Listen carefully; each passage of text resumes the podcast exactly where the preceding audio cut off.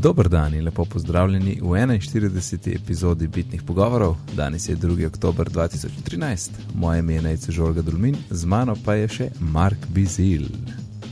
Živijo, Jure. Jure, te že rekel? A sem ga že rekel. Meni se zdi, da si ga prvič. Sem ga res. Oj. Moja domišljija ni tako grozno dobra. Um, no, Jure je dvakrat pozdravljen. prav. Mogoče sta dva Jureta. Ja, sem res. Um, danes imamo tako, malo iOS 7, malo enih novic o iPhonu 5S in pa še um, borbo podcast klientov. v iOS 7 se najde kakšen bug, ker je pač prva verzija in žal je tudi to del tega. In meni so nagajali iMessage, recimo, in nisem edini, ker sem videl na, pač na spletu in tudi novice so bile o tem, in še Apple je rekel, da nekateri uporabniki imajo težave. In bilo je čisto, da pošlješ iMessage, ne, se tam na vrhu začne kaže tista črtica, ki, poka, ki kaže status, na vrhu piše sending in pride tako do 90% in pol stoji in sam piše sending. In to je bilo tudi takrat, ko sem z vama z Alanom pisal, kdaj bi snimal in ne spošlje mesečne, pa tako, pa nekaj zvečer sem po mojem poslal. Ne. Ampak nista tako odgovorila, tako ok, je dobro, mogoče vsi pa so ful zaposleni začerane ali pa že spijo, ne vem. Pa pa drug dan tako uražene 12, pa še kar nobenega zgora, tako VTF, ne, nekaj narobe. Grem gledat sporočilo, tako še kar sending, ja, super. Pa sem vam pa maile poslovane. V glavnem, pride, um, pač Apple je rekel, da pride popravek v naslednji, naslednji posodobitvi iOS-a, kar bo mogoče še preden ta epizoda ven pride, ampak jaz tu gibam, da naslednja verzija iOS-a pride takrat, ko bojo novi iPadi, kar je nekje, ne vem, sredina oziroma konec oktobra. Um, tako da workaround, oziroma kar lahko poskusite, če imate ta problem, pa je, da odprete uh, v settings, greste pod messages in izklopite iMessage. To najprej. Potem pa nazaj na general in pod general greste na reset, čist na dnu in potem reset network settings. Uh, in to ti pač naredi, da izgubiš vsa gesla za vse WiFi, ne, ne, pr ne preklopite nikamor več. In Mark, po mojem, da tudi, ne, če imaš če si recimo na mobitelu, uh, Mhm. ti zbriše tudi um, tiste nastavitve za internet. Ali to še zmeraj treba pisati? Uh, Ja. ja kot se spomnim, ja. No, Ta- vsaj za iOS 6 je. Ja, mislim, v bistvu posodi treba pisati, razen na Simobilu, zato ker je uradni. Mhm. In v bistvu sim, na SIM karti, sim kar, oziroma kako je že bilo. Ja, mislim, nekako prek SIM kartice, pa prek tega, da si na Simobilu on po luftu potegne podatke. No. To je v bistvu Mhm. zginil takrat, ko je, ko je Simobil dobil iPhone. Ja, to sem, sem že pozabil, da sem imel dve leti probleme s tem. A da smo mogli skozi opisovati. Mislim, skozi, pač doskrat, ja. Aha. Ja, no, uh, resetiraš nastavitve, takrat ti tak telefon reštarta, pa pa nazaj vklopiš iMessage in danes uh, pač mi deluje. Ne? Zdaj, eni so pravili tudi, da dela pol dneva ali pa en dan, pa je pa spet problem. Ampak um, pač to je vredno poskusiti, ne? Ker je kar tečno vsakeč, ki pošle sporočilo in, itak, in ga ne, in pa dvakrat tapneš gor in rečeš pošli kot. Uh, navadno sporočilo, ne kot SMS, in ni fajn. Tako da hit, tle, se, tle se hit pokaže, kako smo se navadili na iMessage. Ne? Ker tudi vsakeč, ko pošljem SMS, imam tako feeling, jo je to pa zdaj trajalo 10 sekund na mest ene, tako kot je iMessage, ki je v trenutku pri tebi. Pa še vidimo, je bil dostavljen, pa prebran, pa vse te stvari. Ne? Ok, um, zdaj pa, zdaj pa neki nekaj malo več od Do Not Disturb. Zadnji smo že omenjali to funkcionalnost, ki je zelo kul. Cool. In um, imam eno kratko zgodbo. Prijatelj je um, namestil iOS 7, ima 4S in me kliče pol, ne vem, par dni po namestitvi, ne, in da, oh, da, da ima full probleme s tem iOS 7, full, full probleme. Full ga kliče, pa, pa pravi, da ima skozi zaseden, noben ga ne dobi. In uh, njemu pa nič ne zvoni, in ko pogleda na telefon, ima zgrešene klice. Ne. In tako, ki meni to povedal, pismo, to se mi je zdelo, to je pa že nekaj s telefonom na robe, mislim, kaj, da bi tako le dol metalne. In danes pride na obisk na, na, na kratko pijačo in uh, spet potegne telefon iz, iz žepa, ne več tako, lej, spet, spet me niso dobila. Ne. Pa jaz tako pogledam, ej, imaš ti do not disturb vklopljen in imel do not disturb vklopljen. In izkazalo se je, da dejansko, če imaš do not disturb vklopljen, uh, torej klicočemu, da signal, da imaš ti zasedeno. V bistvu zazvoni tako za ene pol sekunde, pa je pa zaseden. Uh, in jaz sem mislil, da, da not disturb naredi pač tako, da je, da zvoni v prazno, ne? ampak dejansko ti skensle. To si vedel? Uh, ne.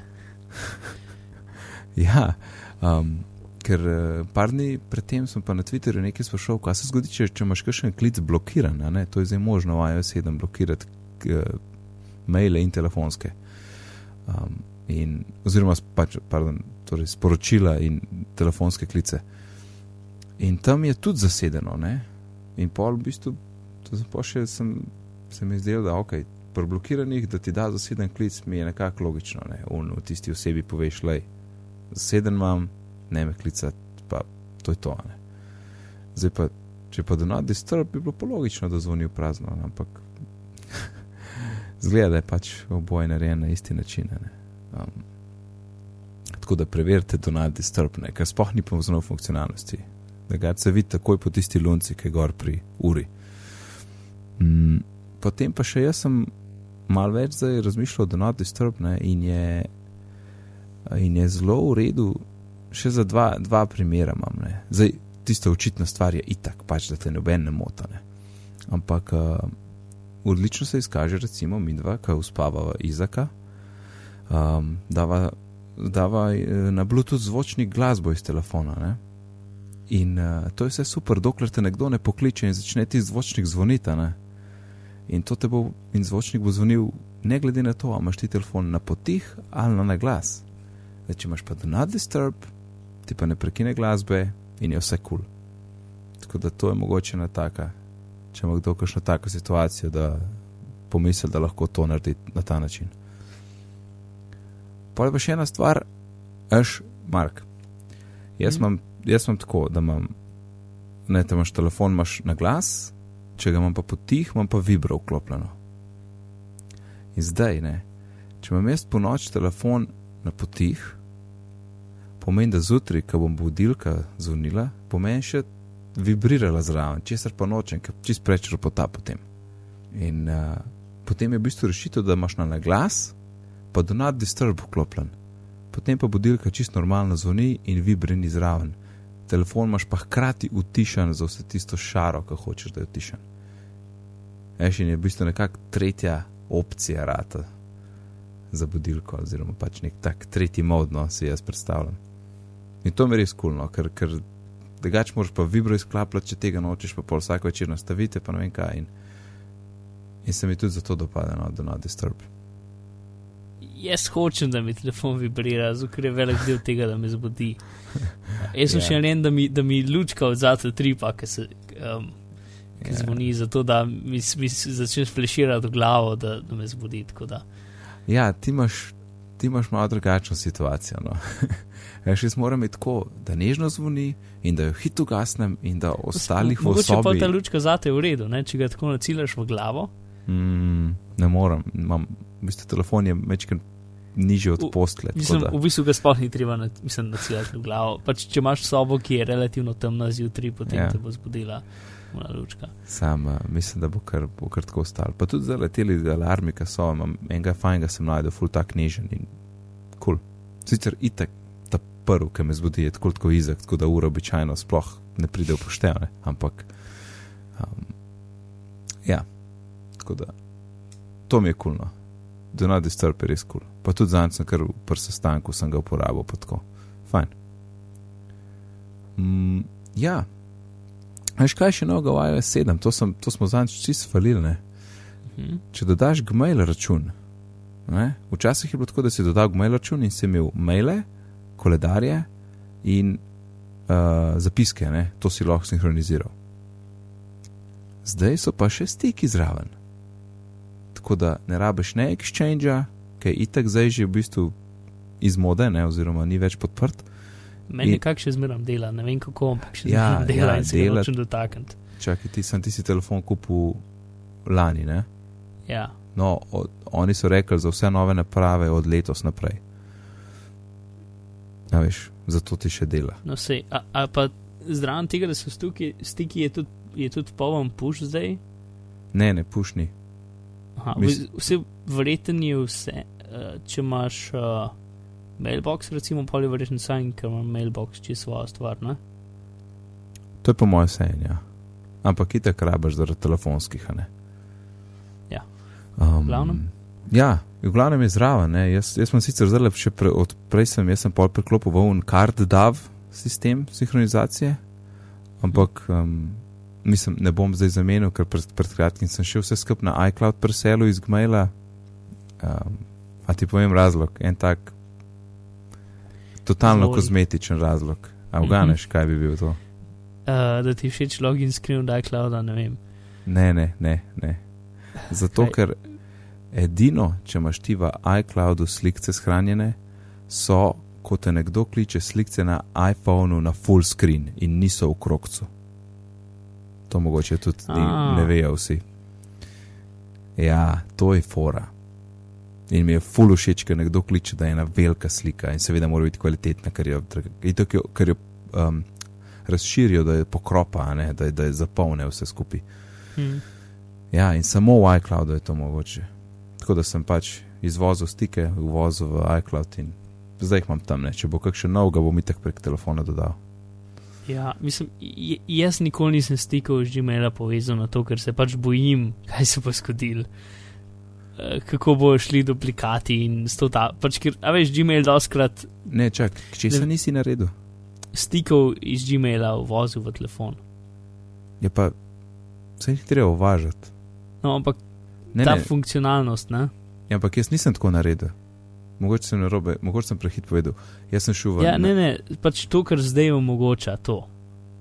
Ne to, kar si ti naredil, ampak pač nasplošno, uh, To. da lahko. Ja, ampak to je samo sinhronizacija.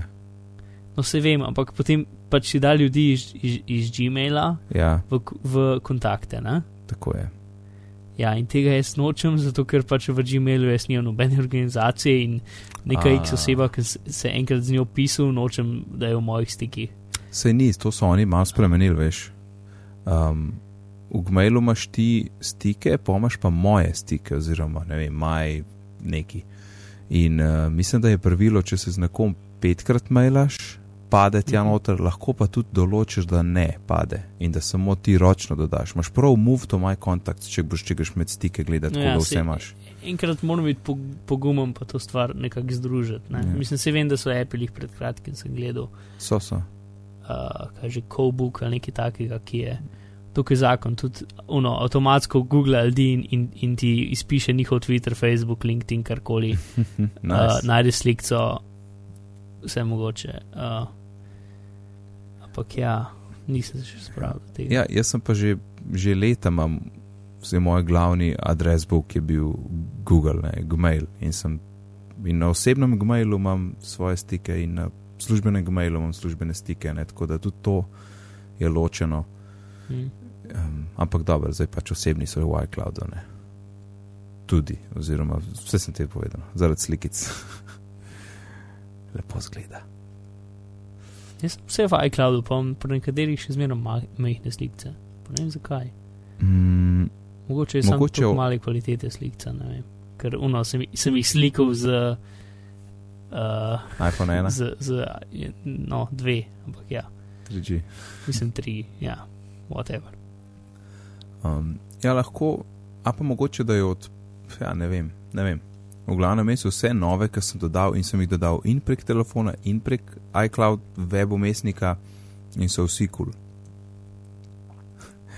Še ena stvar pri uh, podcasts od Apple, app za podcaste, se zdaj končno sinhronizira z iCloudom, tako da imaš um, nastavitve in naročnine in dokje si vstal, ko si predvajal, je zdaj sinhronizirano, tako da če priješ na, na svojega meka, lahko vidiš, kar je bilo poslušano in kje si vstal in vse tako in v drugo smer tudi, seveda. Tako da ta sink so porihtali. Čeprav, daš takrat je bilo, je bilo tako, da smo čakali, mislim, bilo je čuden, zakaj ni, ne, glede na to, da imajo iCloud in da se hvalijo z iCloudom. Ne. Zdaj, ki pa je, je bilo pa sploh ni bilo nič, veš, lejte, to je zdaj tudi, ne. To je čistko, ne vem, najdeš veš po enih blogih, a ne. je, mislim, zdaj so z, z dvemi takimi dokaj iskritimi posodobitvami v bistvu podcast apps spravili skoraj na isti nivo, kot pač vsi vem, specializirani podcast, pod, podcast appi.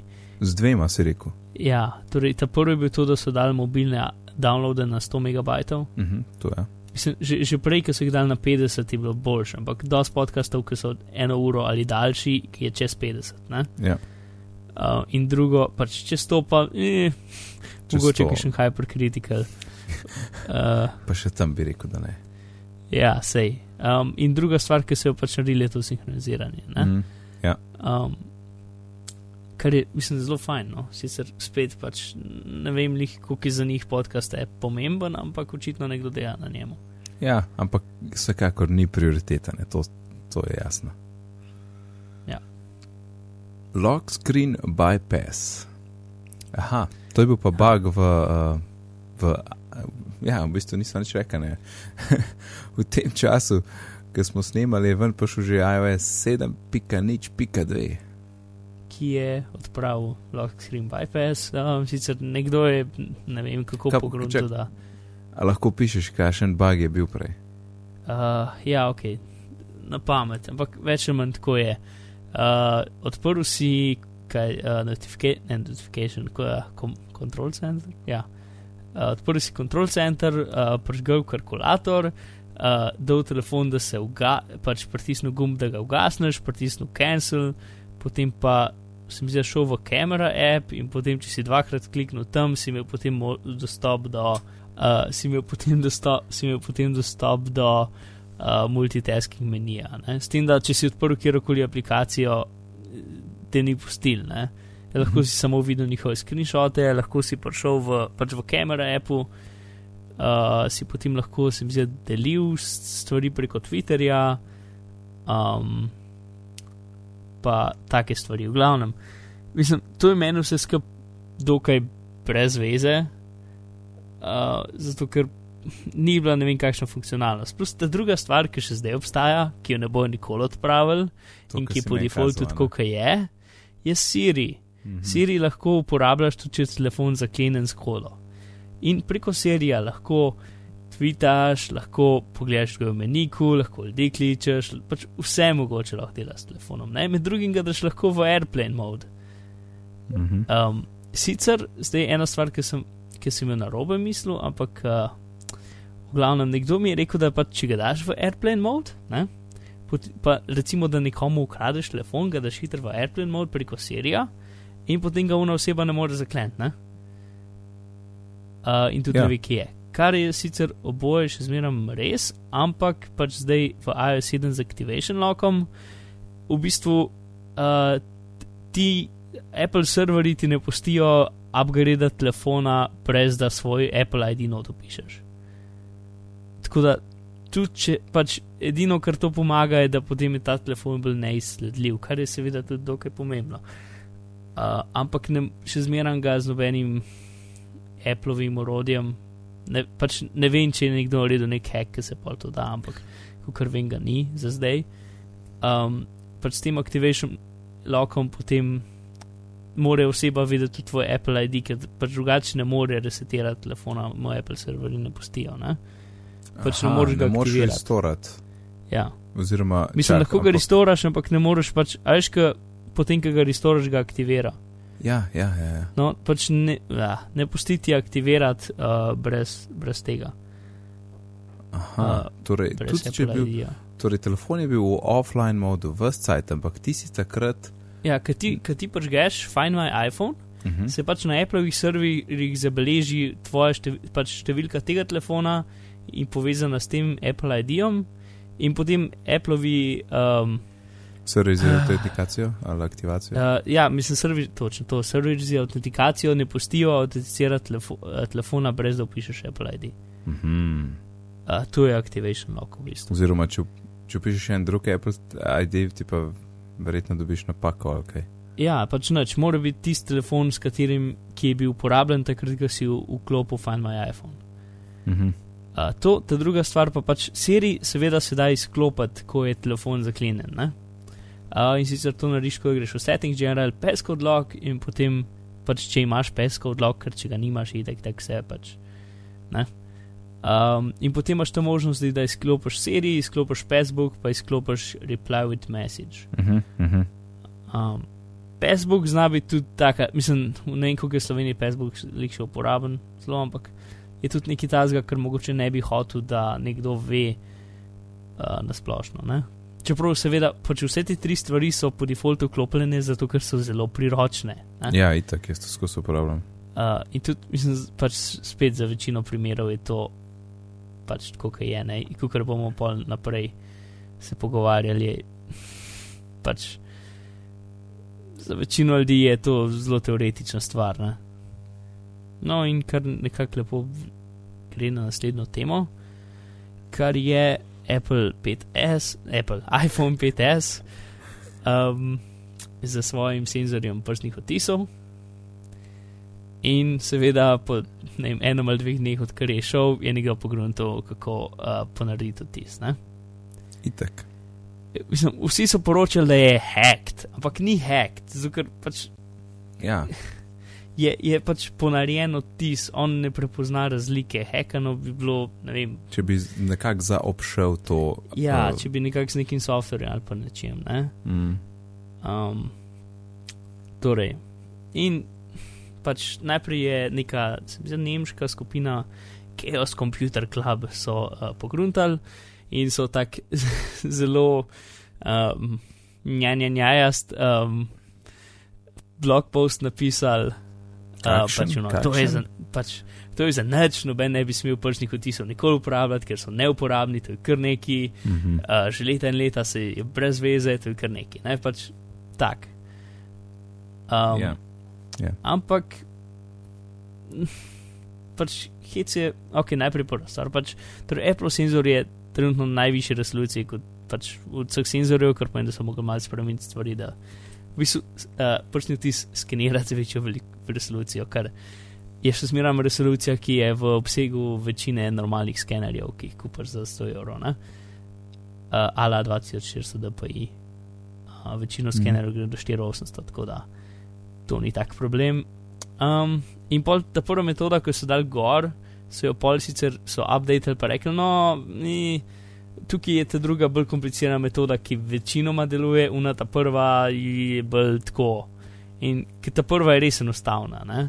Pač, torej, um, zdaj se gremo, da smo CSE-jevci, ne?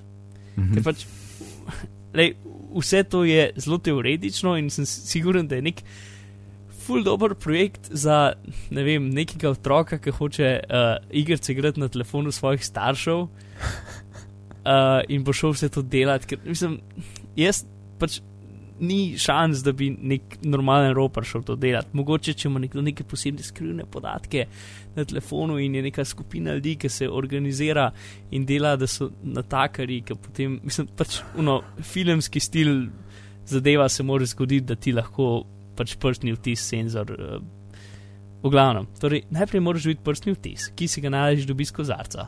Torej, naš fiktivni ropar se dela, da je natakar. Uh, seveda na tem kozarcu mora biti prstni vtis perfektno spuščen, ne, ne sme pa če kar mal prst premakneš med tem, ker držiš kozarce, ni več prav, moraš se sam dotakniti in spustiti. Ne.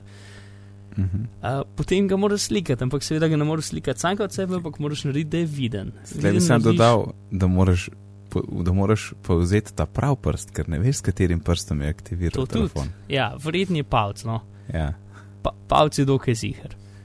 Uh, v glavnem, potem moraš narediti ta prstni vtis viden, ker se večinoma naredi z uh, neko kemikalijo, ki ima komplicirano ime. A se ki spomniš, glavnem- kako je bilo v Beverly Hills Copu? Ne, ki ga nikoli nisem gledal. On je dal, uh, no, se je rekel neka kemikalija, on je dal samo takrat, un prstni tis je dal v ena, ena terari, pa odprl je neko super lepilo ali kaj, pa pokril ne. In No, ja, se to je res. pa se je prikazal. Pač, uh, ki, je, ki je glavna, glavna vsebina uh, pač hitrega lepila. Ne? Aha, no. Tako da lahko daš pač primer, kako so oni, daš pač eno kapljico hi- hitrega, sekundnega lepila, to je pravi izraz, Mhm. uh, v, v, v um, kapco od, v, ne kapco, v, uh, Ja. zamaš kot flaše. In potem to pridržiš za nekaj časa na prstni vtis, in potem tista stvar evaporira, ja, eh, izhlapi uh, in se veže na, prstni, na, na, um, na mast od prstnega vtisa, ker pač mi ljudje puščamo mastce okoli. Um, v glavnem. Potem to stvar slikaš, s tem, da slikaš, moraš zelo paziti, da je slikano direktno. Slikaš ali pa skeniraš nekako, čeprav ne vem, kako skeniraš, kozarc točen. Um, Glavno mora biti pač direktno, brez deformacij. Potem to odpreš Photoshop ali popraviš no, čakaj, se ni treba slikati kozarca, se lahko un slotepom dol daš, ne? Se to delajo, Uh, ne, ne? Uf, uh, kot če CSI-jevci sekunde lepilom delajo. ne moreš, se, mogoče, ampak A ja, ja ne, pač to, je uno, mogoče- to je zdaj CSI ja. on a budget. Ne? Uh, z, pač Okej, stvari, ki jih lahko tu. narediš doma. Ne? Ja, ja. V glavnem, to stvar skeniraš, bla, bla, bla, potem sprintaš z laserskim printerjem, ki ga ima vsak doma, uh, na največji gostoti možni, zato ker, a veš, če la, laserski uh, pa, papir sprintaš z laserskim printerjem, če ga, če ga tako malo po, podrsaš, so v bistvu malo drtine. Ne? Mislim, malo nanese dejansko neko prah. material na papir. Ne? Ja, Ja. se, ni tako, kot pač normalen printer, ki, ki se črnilo v, uh, pač gre Vpije. v papir, ne? ampak mm. je Mm. na površini. Mhm. In če pač sprinte z največjo gostoto, je potem ta, um, te uh, pač depoziti na papirju so tako uh, visoki, da v bistvu um, lahko uh, so uporabni. Glavno to sprintaš na plastičen papir, uh, čez daš malo želatine, oziroma um, ne želatine, glicerina, um, čez poliješ malo lepila za, uh, za les, ki je tak mal gumijast. ne Mhm. počakaš, da se posuši, vzameš dol, mal, mal uh, dahneš gor, daš čez svoj prst uh, in daš na telefon in ga odklene, teoretično. To je ta lahek način, ki ne deluje liki preveč. Oziroma, mislim, največji hec je, da po petih neuspehih se telefon zaklene. Ne? Ja, ta je lepa. Um, tako da s to metodo je ne, pač zelo mala možnost. Potem ta bolj profesionalna metoda je pač, da namesto da sprintaš na, na normalen papir, sprintaš na, um, na, prosojen, na prosojen papir, katerega potem s fotografskim procesom uh, vtisneš to sliko v, v uh, kako se temu reče. Um, Circuit board, uh, vezano, ne vezano ploščo, Uh, tiskano vezje. tiskano, ja, no, na, ve, pač na ploščo za tiskano vezijo svetliš gor, ne? Mhm, mhm. in potem pač to uh, raz, razje, pač uh, pravilni izraz bi bil uh, relief pač tega prstnega vtisa, ne? in so, in so same udrtine dosti globje, kot pač če sprinta s printerjem. Mhm. Um, in potem to, da želatino čez in potem ima želatina s prst, ki je dosti boljši. In še enkrat, ko sem to rekel, vse to traja, ne vem, pol ure, vsaj. Uh, in definitivno ni nekaj, kar bi nek ropar normalen naredil lahko. Ne? Yep. Tako da tiskar je ta glavna stvar tega. Zelo malo ljudi ima pesko, ima pač ima kodo na telefonu. ne. Ja. Zato ker traja. To s prstnim odtisom traja eno sekundo. Vse, kar moraš narediti, je pritisniti na telefon, tako kot zmeraj, in potem še za pol sekunde pustiti prst gor. In to je to. Ja. In s tem pač toliko varnosti dodaš za nič uh, truda. Ne? To je tisto, kar je najbolj pomembno. Pa če hočeš resno, resno fajn varnost, potem si pač na, si dej, a, pač, uh, ne 1, 2, 3, 4 kodov, ampak pač ta pravo kodo in jo vsakeč posebej piši in zgubi ne vem, 10 sekund in je nadležno. Ne, jaz jo imam in je nadležno. Uh, oziroma imam tako, da se vklop čez en, po eni uri ne uporabi, ampak v glavnem um, je zelo nadležno. Mhm. Uh, tako da um, je, to, je to, to je pač mislim, fajn, ni neka perfektna varnost, ampak je toliko boljša kot nič, da, da je neverjetno. Ja, Ne? itak, ne, kaj je, ker To je tisto, kar je pomemben del. Uno, Ja, ja, se da spufati, ja, vse super. In pač so drugi, ne vem, edini naj, najboljši argument, ki sem ga slišal proti, je pač, če, če si, eh, recimo, udeb- udež, uh, če mm, imajo oblasti uh, razlog, zakaj bi hotele vedeti, kaj je na tvojem telefonu. Uh, če imaš pač geslo v glavi, te nekako ne morejo prisiliti, da jim ga poveš. Ne? ja, zato ker Prsten tis je pa pač nekaj, kar je mal bolj tako. Pač ni jih jasno, a te lahko prisilijo, da jim ga daš ali ne. Ja, ker tam pri, pri tam gre za stvar, tisto, ne, da tebi ni, tre, tre, treba, ni treba povedati stvari, ki bi tebi škodile. Ne. Ja. In pač prsten odtis pa še ni prišel do zakonov, ne, ker pač tehnologija malo prehti tiste zakone. Tako da čez x leta, ne, mogoče bo to tudi noter. Ja, sej, če, če imamo kakšnega pravnika, ki posluša, pa mogoče kaj o tem ve, če nam bi kaj sporočil, bi bilo super. Um, ampak v glavnem še enkrat, torej, ta čaj di veliko, veliko, veliko boljš kot nič, tudi če se da pride okol. Mm, Ja. Pač razen če si, ne vem, če te, če te James Bond lovi, je čist kul. Cool. Uh, Jep. Ok, Uh, skoraj vsi Androidi goljufajo pri CPU-GPU testih. A ne, Mark? aha. To je sicer nekaj, kar je Nantex opisal že julija ali junija, ampak nekako ni noben opazil, oziroma izven pač tiste ene, ko bi rekel, uh, notranje um, grupe ljudi, ne vem, pač ljudi, ki berejo Nantex več ali manj. No. Ja. Uh, sem, jaz prejšnji teden sem rekel o tem, ne. Uh, sem omenil enkrat hitro eno stavko. Ja, ja, V glavnem, si, si, si. Uh, zdaj z, z Note 3 se je to, so tudi druge, drugi ljudje pogruntali, da se to dogaja, in zdaj je Nantek tudi testiral vse svoje telefone, ki jih imajo na zelo pač preseb. In so ugotovili, da uh, dosta ljudi, pač v bistvu kar delajo, je to, da um, pri Androidu je šla ta gigahertz uh, vojna full hitter. Ne? Uh, ala, mislim, kako je iPhone je trenutno na 1,3 GHz in Galaxy, Galaxy S3 je na 2,6 GHz, pa 4 jadrama. Mm. Uh, in pač torej naviti so do konca in še več. Ne? In pač pri pr teh hercih je baterija gre zelo hiter in telefon se segreje zelo fajn. Ne? Mm. In v bistvu ne, te hitrosti ne more zdržati telefon sploh. Pač mislim, ne več kot par minut. Ne? Ker pač je nora, ne? mislim. Pač sedi tako kot normalni računalniki, lahko jih naviješ, ampak potem jih ne moreš več hladiti. Ne? Ja, pa porabiš tako dušikne. Ja, oziroma pač na telefonih pa ni niti ventilatorjev, tako da je pač problem. Ne? Hm, Mm. Me zanima, kdo prvi. Uh, Je Microsoft. pa, ne, pa se bi se dal, ker so solid state hladil, hladilne zadeve, ki bi se jih dali uporabiti. To bomo videli. Uh, v glavnem.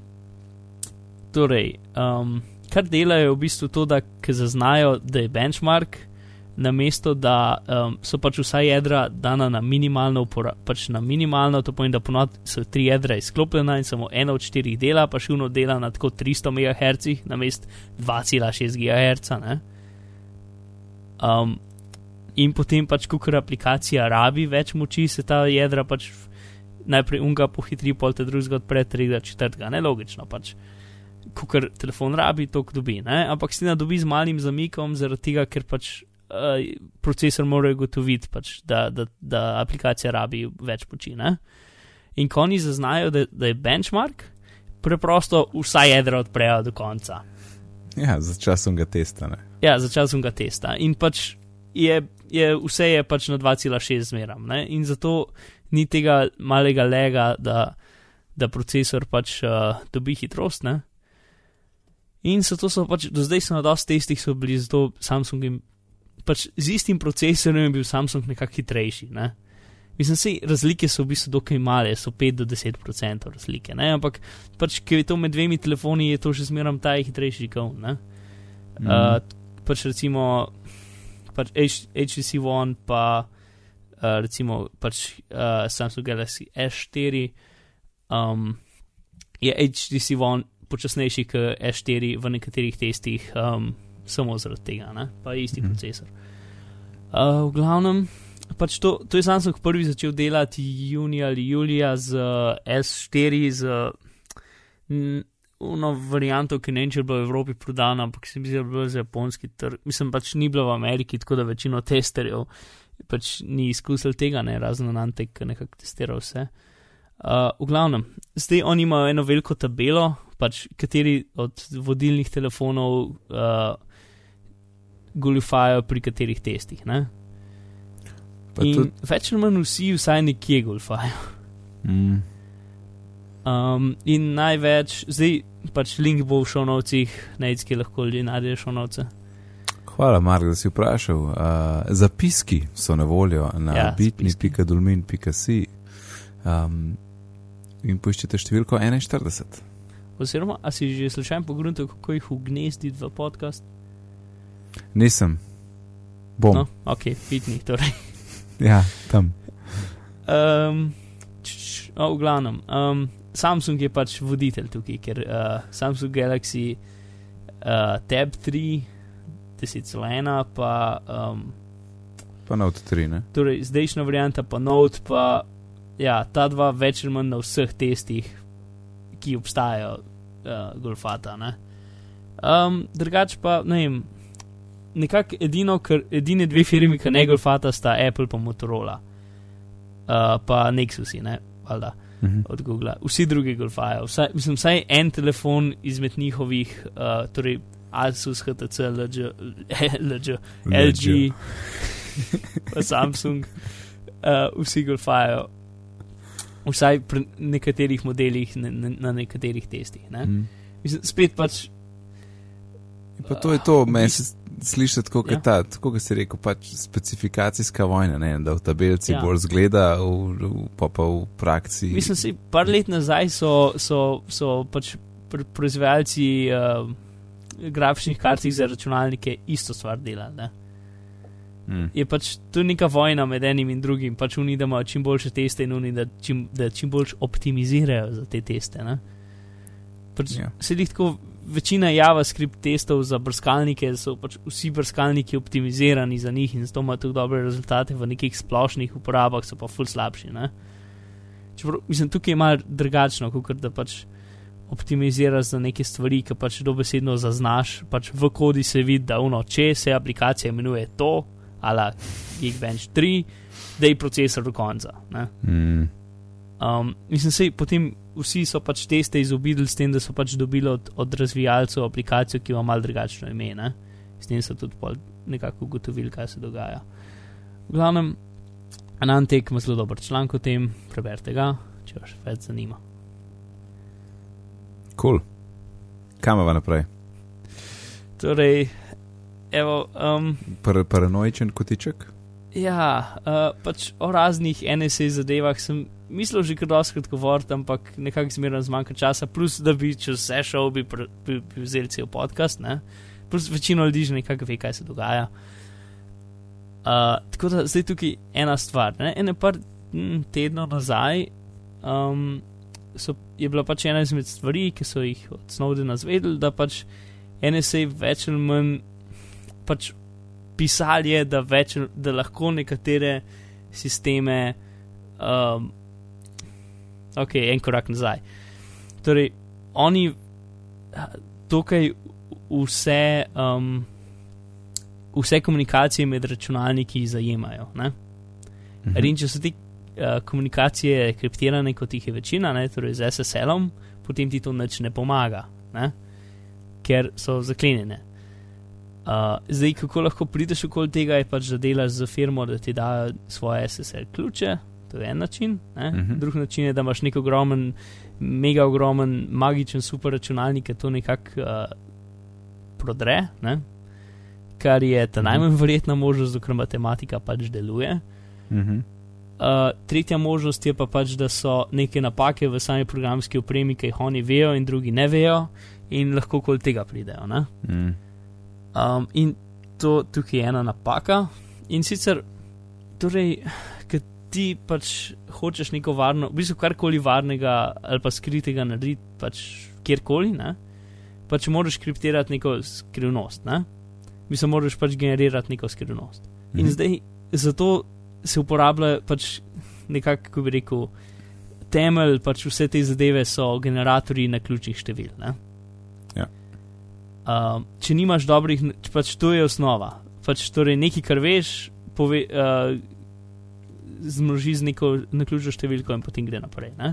In če te številke niso zares naključne, potem, jih, potem lahko s tem, da opazuješ, uh, opazuješ pač to, kar je skrito dož časa, lahko potem ugotoviš, ugotoviš kako so pač kakšni, kakšne stvari ponavljajo ali pa kitajske in potem lahko prej slej pač, uh, ugot, pač ugotoviš, kaj je bilo originalno. Mm. In mi imamo pač kar velik, dobre, robustne pač sisteme za naključno generiranje, tudi pred zadnje generacije interprocesorjev, ima zdaj ta pravi pač kvantni generator uh, naključnosti noter, kar je kul. Cool. Polje pa večin... smo prišli do pravega. Ja, ja mislim, da prave imamo že kar nekaj časa. Ne? Uh, sam, večino pač te, ki so programsko narejeni, so uh, tako imenovani. Ne čist pravi. Ja, pač uh, deterministični. Ja, to je to pravi, ja. so deterministični. Torej, pač gre čez neko kombinacijo algoritmov in potem dobivam številko. Mm. In pač načeloma te kombinacije ne bi smel, mo, pač ne moreš nazaj pripeljati, ker enkrat do konca ne gre več nazaj. Ne? To je osnova vsega tega. Mm. Torej, um, NIST, ki je National Institute of Standards and Technology, ameriški ki zelo zabavno in trenutno spet na strani dela, ker je očitno ameriška vlada nehala delati. Um, je pač par let nazaj objavil pet ali šest teh uh, standardnih generatorjev na ključnih števil. Um, in en izmed teh petih je, se imenuje Dual Elliptic, pač Dual EC DRGB, torej dvojni eliptična krivulja, deterministični generator uh, na ključnih števil. Uh, kaj to pomeni, da bomo šli zdaj, ker je komplicirano, v glavnem, eliptične krivulje so zakon, edin pač v tem primeru, ok, zelo osnovno povedano, za ta generator se ne ve. Um, Pač, torej, osnova za naključna števila so, je ta krivulja, katere osnova, oziroma kako izgleda, se ne ve, in pač je neznana in neobjavljena. Ne?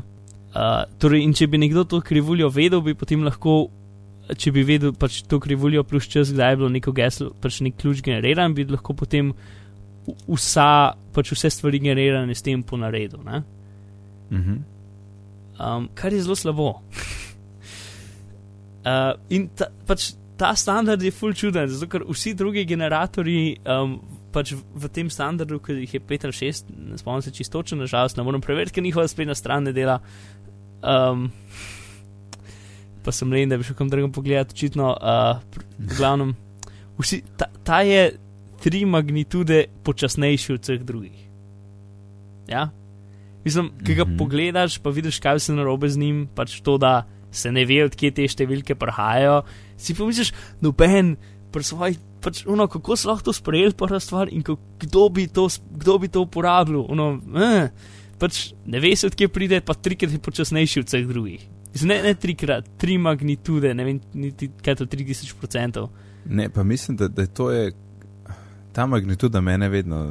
Ja, mene tudi. V glavnem tam piše tri magnitude. Um, mislim, da je to, mislim, da ta tri, osnovna ne? stvar krat na tri. Ja.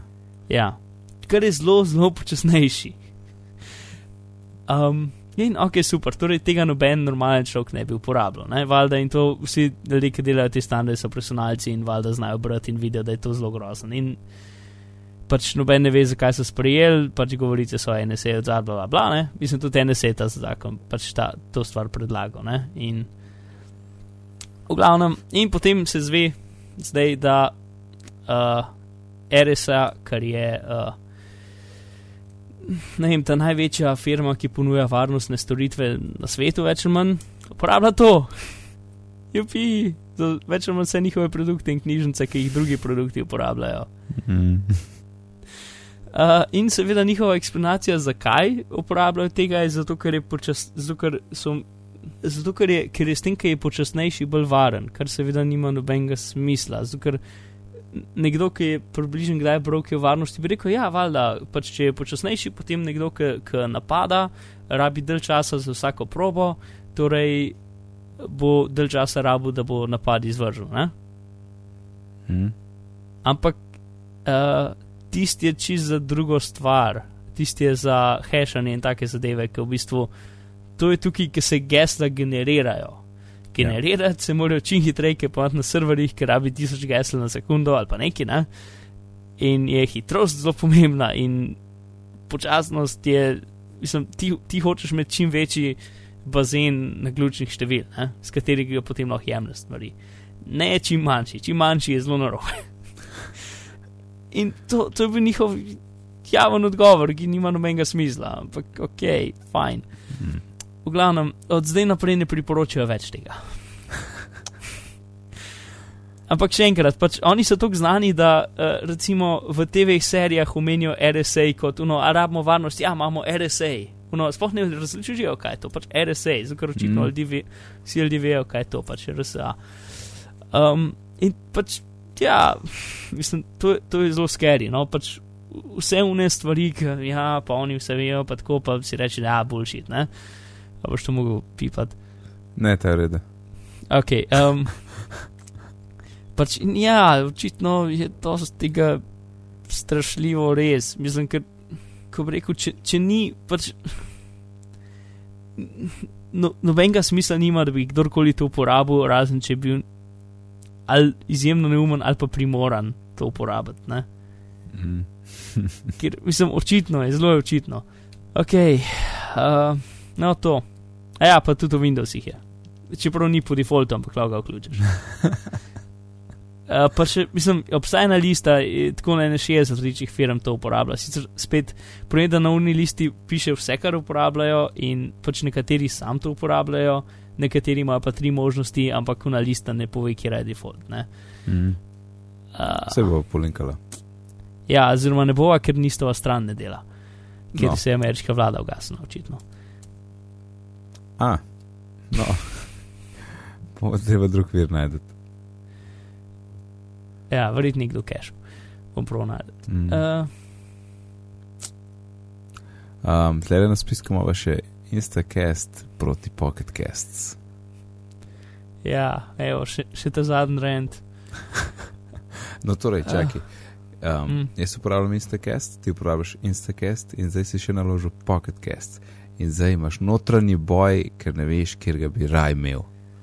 Točno tako. Zadnji, originalno sem mislil teden, ampak potem prejšnji teden nismo prišli od tega, zadnje dva tedna uporabljam zdaj Pocketcast v večini.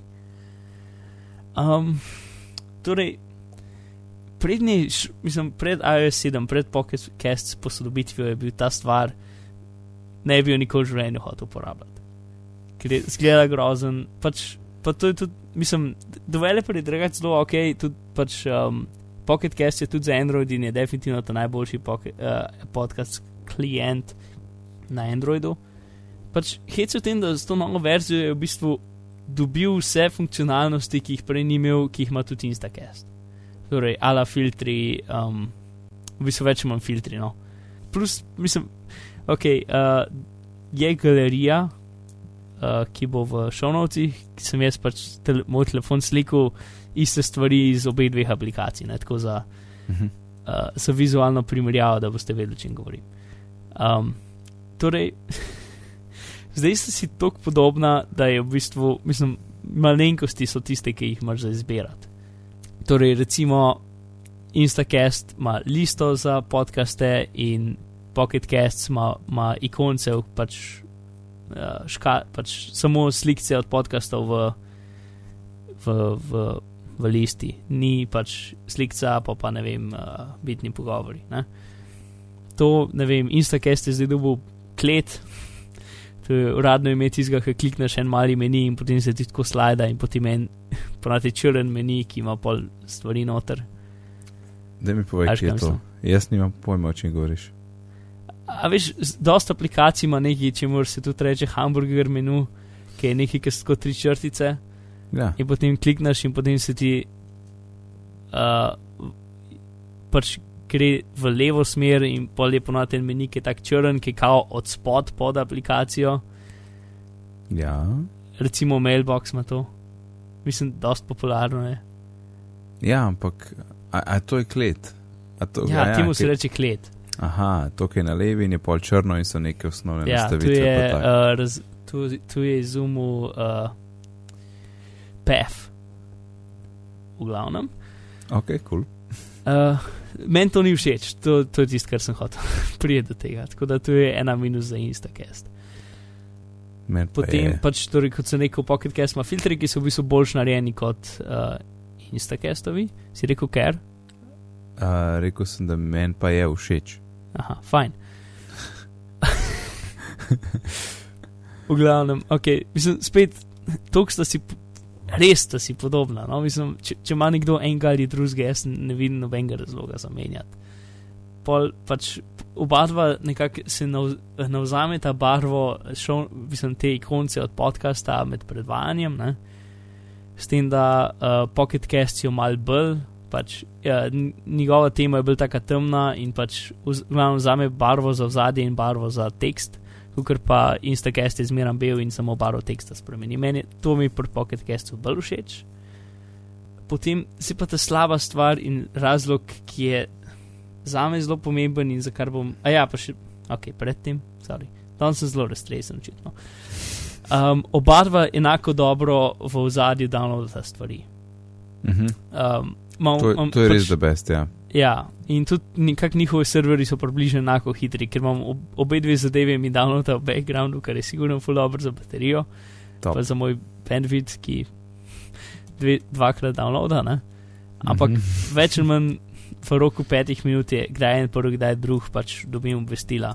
Zdaj, kul, cool, po, pač Pocket Casts je od, pač ko bi rekel, mislim, to je zdaj tako mal um, stereotipno, no? ampak pač jaz bi rekel, da so en kup takih Android, Androidastih nastavitev in sicer vse stvari lahko naštimaš. Lahko si izbereš, kakšen zvok boš imel, lahko si izbereš, če ti je ta najbolj nora, ker sem videl, koliko, se, koliko sekund naj preskoči, ko začne predvajati podcast. Torej, če ti gre slučajno na živce njihova tema, recimo naša tema, lahko rečeš, ok, začni 30 sekund noter. Mhm. Uh, pač take stvari. Na sekundo natančno lahko spremeniš, se mi zdi na sekundo, um, pač koliko je jump back, pa jump forward. Mhm. Uh, potem v samem pač unem zaslonu za igranje imaš pač možnost hitrosti pa budilke. Ne? In kot v Instacastu pač pritisneš enkrat, pa je ne ena pa polkratna hitrost, še enkrat dvakratna, še enkrat trikratna, še enkrat polkratna, pa še enkrat normalna. Ne? Mhm. Tukaj pač pri Apple appi, oziroma pri Apple, Apple app nima trikratne, ampak pač je več ali manj isto. In za spanje isto je pač klikneš še 5 minut, se mi se pol je 10, 15, 30, 60, ne vem, pač tako ne. Pri Pocket Castu pa klikneš in potem si ti odpre slider. In potem lahko naštimaš enkrat hitrost 1,1, 1,2, 1,2, vse do 3. Ne? In če, ti, če bi ti rad točno dvakratno, v bistvu moraš pač malo eh, ciljati, da dobiš dvakratno. Ne? Mhm. In isto za budilko gre od nič do 120 minut. Ker Zdaj, pomeni, da če rečeš hočeš, budilka, misliš spanje. Ne? mislim, spanje. Ja. Pač jaz doskrat, ko grem spat, eh, poslušam podcaste, tako da si doskrat naštimam to. ne. Um, in, in pač, če hočeš 5 minut ali pa 10 minut, jo moraš tako za 2 piksla premakniti, zato ker gre un, dv, 3 cm dolg slider, gre od nič do 120. Mhm. In večino ljudi hoče ne 60, ki bi bilo nekaj, na, ali pa še 60 ni na, no 60 ni na polovici, ampak pač razumeš, kaj mislim. No? Mhm. In to so stvari, ki mi grejo na živce pri, Insta- pri Pocket Castu, ki drugač bi mi bil bolj všeč. In tisto, kar mi gre najbolj na živce od vsega, njihova dvakratna hitrost za predvajanje je čudna in čudna. Aha, torej- torej sam, sam, Sam, sama kako se funkcionalnost. Ja. Ker najprej sem mislil, da je nekaj narobe z mano in da sem nor. Ker pač no, nisem razumel podkastov več, ker so bili po dvokratni hitrosti. Ne vem, čuden je bilo.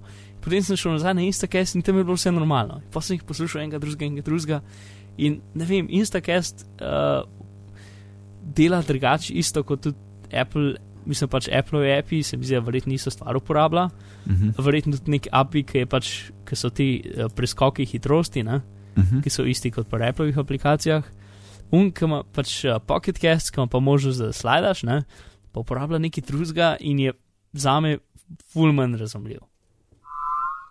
Šijo, hotel sem pokazati razliko med Instacastom in Pocketcast pri dvakratni hitrosti, tako da, evo. A ja, seveda, edini način, kako lahko to naredim, je, da snimam zvok svojega telefona, zato bosta posnetka bolj drugačna kot ta zdaj. Najprej Instacast. Šijo, hotel sem pokazati razliko med Instacastom in Pocketcast pri dvakratni hitrosti, tako da, evo. A ja, seveda, edini način, kako lahko to naredim, je, da snimam zvok svojega telefona, zato bosta posnetka bolj drugačna kot ta zdaj. In zdaj še Pocketcast. Če hočeš pokazati razliko med Instagramom in Pocketcast pri dvakratni hitrosti, tako da, evo, a ja, seveda, edini način, kako lahko to naredim, je, da snimam zvok svojega telefona, zato bosta posnetka bolj drugačna kot ta zdaj. Hm, potem, ko sem upravil ta test, kot ste ga likar slišali, sem gotovil nekaj zanimivega. Za Pocketcast se mi zmeram zdelo, da je hitre, nekako hitrejše predvaja, ne? Ampak sem pač no, oba dva stančima dvakratno hitrost, torej valjda mora biti isto. Torej se razlika sliš, ne vem, ker slabš procesira. In zdaj, ko sem to stvar dejansko dal v program in vidim, vidim enega in drugega pač na, na ekranu, vidim, da v bistvu je Pocket Cast za eno četrtino hitrejši. Huh, zanimivo. Torej, dejansko se dvakratna hitrost razlikuje med enim in drugim, oziroma ena ni dvokratna. Ne vem, kje je, ampak zanimiv rezultat.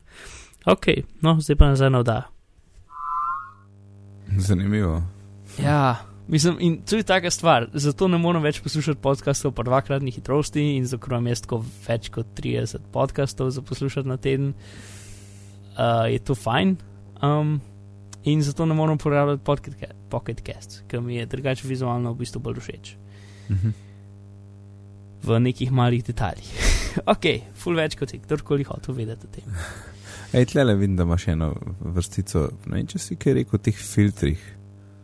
Uh, fil, pač filtri so uno, da lahko sam rečeš, ok, jaz hočem vse downloadane aplikacije. Uh, pač te mi lista vseh downloadih, te mi lista vseh, ki so downloadane, pa niso poslušane, te mi lista Mhm. vseh, ki so na pol poslušane, te mi li, pač te zadeve. Mislim, jaz sem ponad samo en filter in to je stvari, ki so downloadane.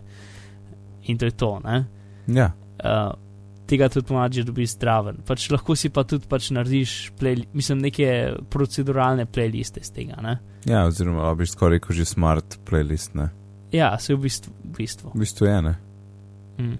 Pač pri pr Pocket ja. Castu lahko vsakmu playlist, uh, torej filtru dodaš barvo in ikonco in take stvari. Pač ful imaš več, kot pač neke, ful več stvari lahko štimaš kot na Instacastu. Čeprav, mm. ne vem, mislim, večino stvari je uno, jih ne bi hotel nikako drugače, kot so pri, kot so pri defaultu. Ja. Ampak možnost imaš. Evo, hitro še priporočila. Jaz sem full kratka, ti pa upam, da je full kratka. Um, evo, lej, da vidim, če veš ta namik. Jaz sem ga zvedel od, od prijatelja, ki je bil uh, Windows Sashi in Linux Sashi in je programer.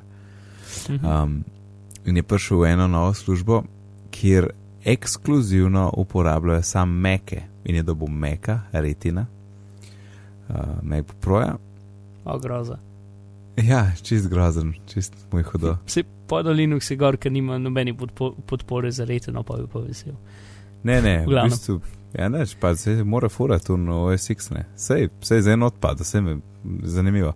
V glavnem, in sem od njega to zvedel, ker eh, či, pač fulje sprašoval, ne, tam okolo in, in sem prišel do tega le namiga, ki je zelo kul. Cool.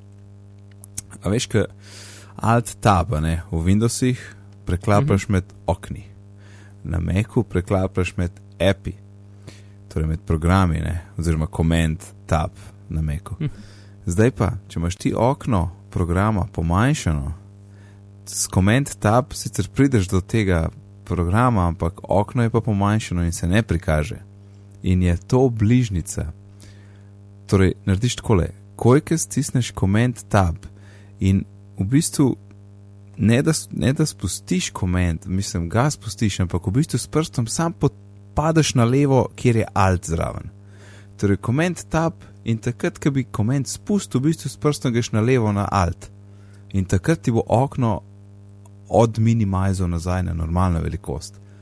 tako mečken vaje, je mogoče potrebno, da dobiš točen feeling, kaj treba narediti, ampak v bistvu samo daš koment, tab in pa s prstom preslajdeš na alt. Daj probi. Ja, mislim, meni potem, ne vem, t, uh, gre hitro do te zadnje odprte stvari in potem jo odpre. Ja, no, mislim, kul cool bližnjica, ne. Ker, ja, mislim. ja, lej, obstaja, v glavnem obstaja. Ja, ok, pač. Uh, ja, ekspozi, to je vse, kar bom rekel. Pa ni, kaj pa, ni ekspozi. Mislim, je, pač to je za me veliko boljš kot eh, komentar. Ampak razumem, da so ljudje na to navajeni od zmera. Ampak le ekspoziti ne kaže pomanjšanih okna, ali, ali se jaz motim. Uh, Am pretty sure, da jih ne. No, lahko, čakaj, kaj že bi. Ja, evo, tlele nimam. Vem, da imam en program odprt, pa ga ni. Mislim, lahko naredi, imaš možnost, da ti, poka, da ti pač to zdaj je pod, kaj že, command, ne, ni command center, ne vem več, kaj sploh pravo ime zdaj, ki so ga pred kratkim spremenili. Ampak ena možnost je, da, da ti pokaže vsa okna aplikacije. Aha, v, v um, kaj zdaj že? ti tudi ne veš, fajn. Pozabil sem, mission control. Ja, ok. Ja. Aha, no. V glavnem, ampak, to obstaja, ja. ampak kul. Cool. Včasih meni je noro na mejko, ko zveš za take utrgane bližnjice, tako. Da best, no, vsakeč sem tako uh, zadovoljen, da, da se ne taki bombončki noter. Yep. Ok, fez, kaj je to fez, Mark? Fez, igrca, stara igrca v bistvu. A je to to, kar fez bomboni pa to? Niti mal. no, um, torej, to je ena igrca, ki ne vem več, verjetno že skoraj dve leti nazaj prišla ven za Xbox. Ja, za Xbox, ne, in pač jaz sem spremljal development, vse, ker mi je bila totalno nora, pač fulje lepa, taka 8-bitna retro, pač estetika, pa kul cool muzika, pač fulje lepa, muzi, ful, fulje lepa igrica, pa fulje zanimivo pač način igranja, ne, in pač uh, je platformer, to je uno, veš, kaj imaš. Strička malega, ki je na ja, podimenzionalni, ja. pa za dve in pol teče okoli. Vse imamo lep slovenski izraz, platformščina. Ok, uh, s tem, da to je 3D. Aha, ok. Um, pa pač uganke rešuješ, ne? pač cel svet uh, rešuješ uganke. Ne? Sicer pač hec je, da svet je v bistvu 3D, ampak ti ga vidiš dvodimenzionalno. In potem lahko rotiraš šte, pač vse štiri stranice, pač neke zadeve, ne? lahko rotiraš.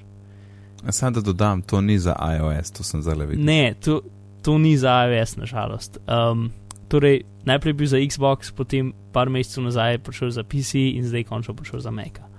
In za Linux je tudi. In za Linux, ja. Um, in se mi zdi, da stane 6 evrov in ne vem, no, razen portala je tudi moja najljubša igra, res. Uh, uh, igra je 10 evrov. A je 10, mislim, da je 6 na Steamu. Uh, okay.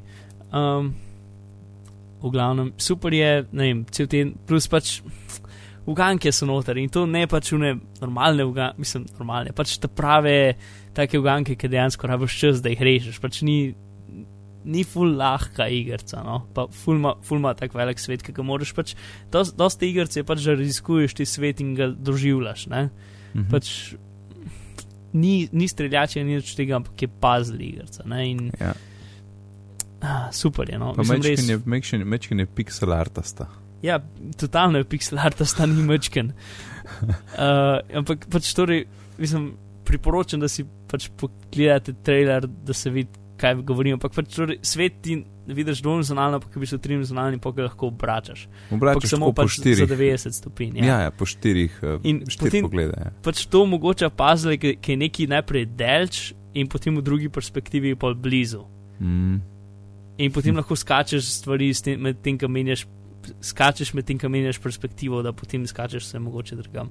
Pač, no, je in plus pač en kup takih, ne vem, uno, jaz sem par dni sem reš, rešval njihovo skrito besedo nekih vesolcev, ki so noter, ki dejansko so sporočila čez celo igrico in potem lahko dekriptiraš na njihovo besedo in potem vidiš en kup stvari.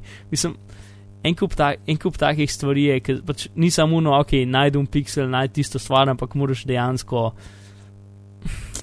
kako bi rekel, uh, v glavnem dobri uganke so. Ja, se zgleda, fur zanimiv. Če bi odsajt bi špilal. Ja, sej. Mislim, jaz sem si vzel, pač to je ono, ki spremljaš neko igrico čez razvoj, a ja, pa več ali manj ena oseba je naredila. Mm, nice. Uh, mislim, nekdo je programiral, potem nekdo, nekdo drug je pač potem vse art, pa vse naredil, uh, razen muziko. Ampak uh, pač ko je taka fajn indie igrica. Um, v glavnem, ki spremljaš pač tukaj časa čez razvoj in potem gotoviš, da sem za Xbox in potem uno, nočem se spojljati več kot eno leto, ker je pač so uganke in so tutoriali čez cel internet. Ne? In se pač nočeš spojljati več kot eno leto in potem končno je in potem. Ja. Uh, tako da še enkrat, fez, super je. A veš prej, ki si govoril o ceni. Aha. Um, Malčkan. Tukaj vidim, da je tudi en paket, ki je nek indie game, movie special edition. Ja, so neki obstaja, paketi, no. obstaja dokumentarc, ki je od, od ene parih igrcah vmes je tudi v te, pač ki je šla neka skupina dokumentarna, pač je spremljala ene par razvijalcev čez razvoj njihovih igrc. Face pa Super Meat Boy sta ta glavna in je, uh Mhm. -huh. ta dokumentarc je tudi super. Uno, če hočeš nekako videti igrico kot, mislim, zelo dobro pokaže igrico kot umetnost ali pa pač tudi nek. Pač nek razvoj in dramo razvoja za nekega indie developerja. No? Mhm. Uh, Nice. Ja. Enač, Mark, mislim, da mora zapakirati. Počas, ne? Yep. Kje te lahko najdemo? Uh, tem kot ponovadi. Oziroma, zdaj sem celo malce prenovil. Mislim, še delam na tem, ampak zdaj je stran že malo drugačna kot je bila.